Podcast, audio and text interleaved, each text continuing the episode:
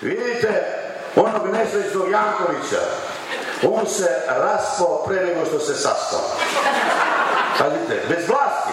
A zamislite da on dobije poverenje građana.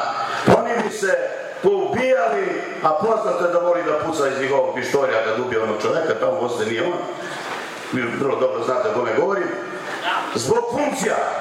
Tako da građani Srbije nikada neće dati poverenje onom ko se svađa dok si još u povoju, ono što bi naš narod rekao.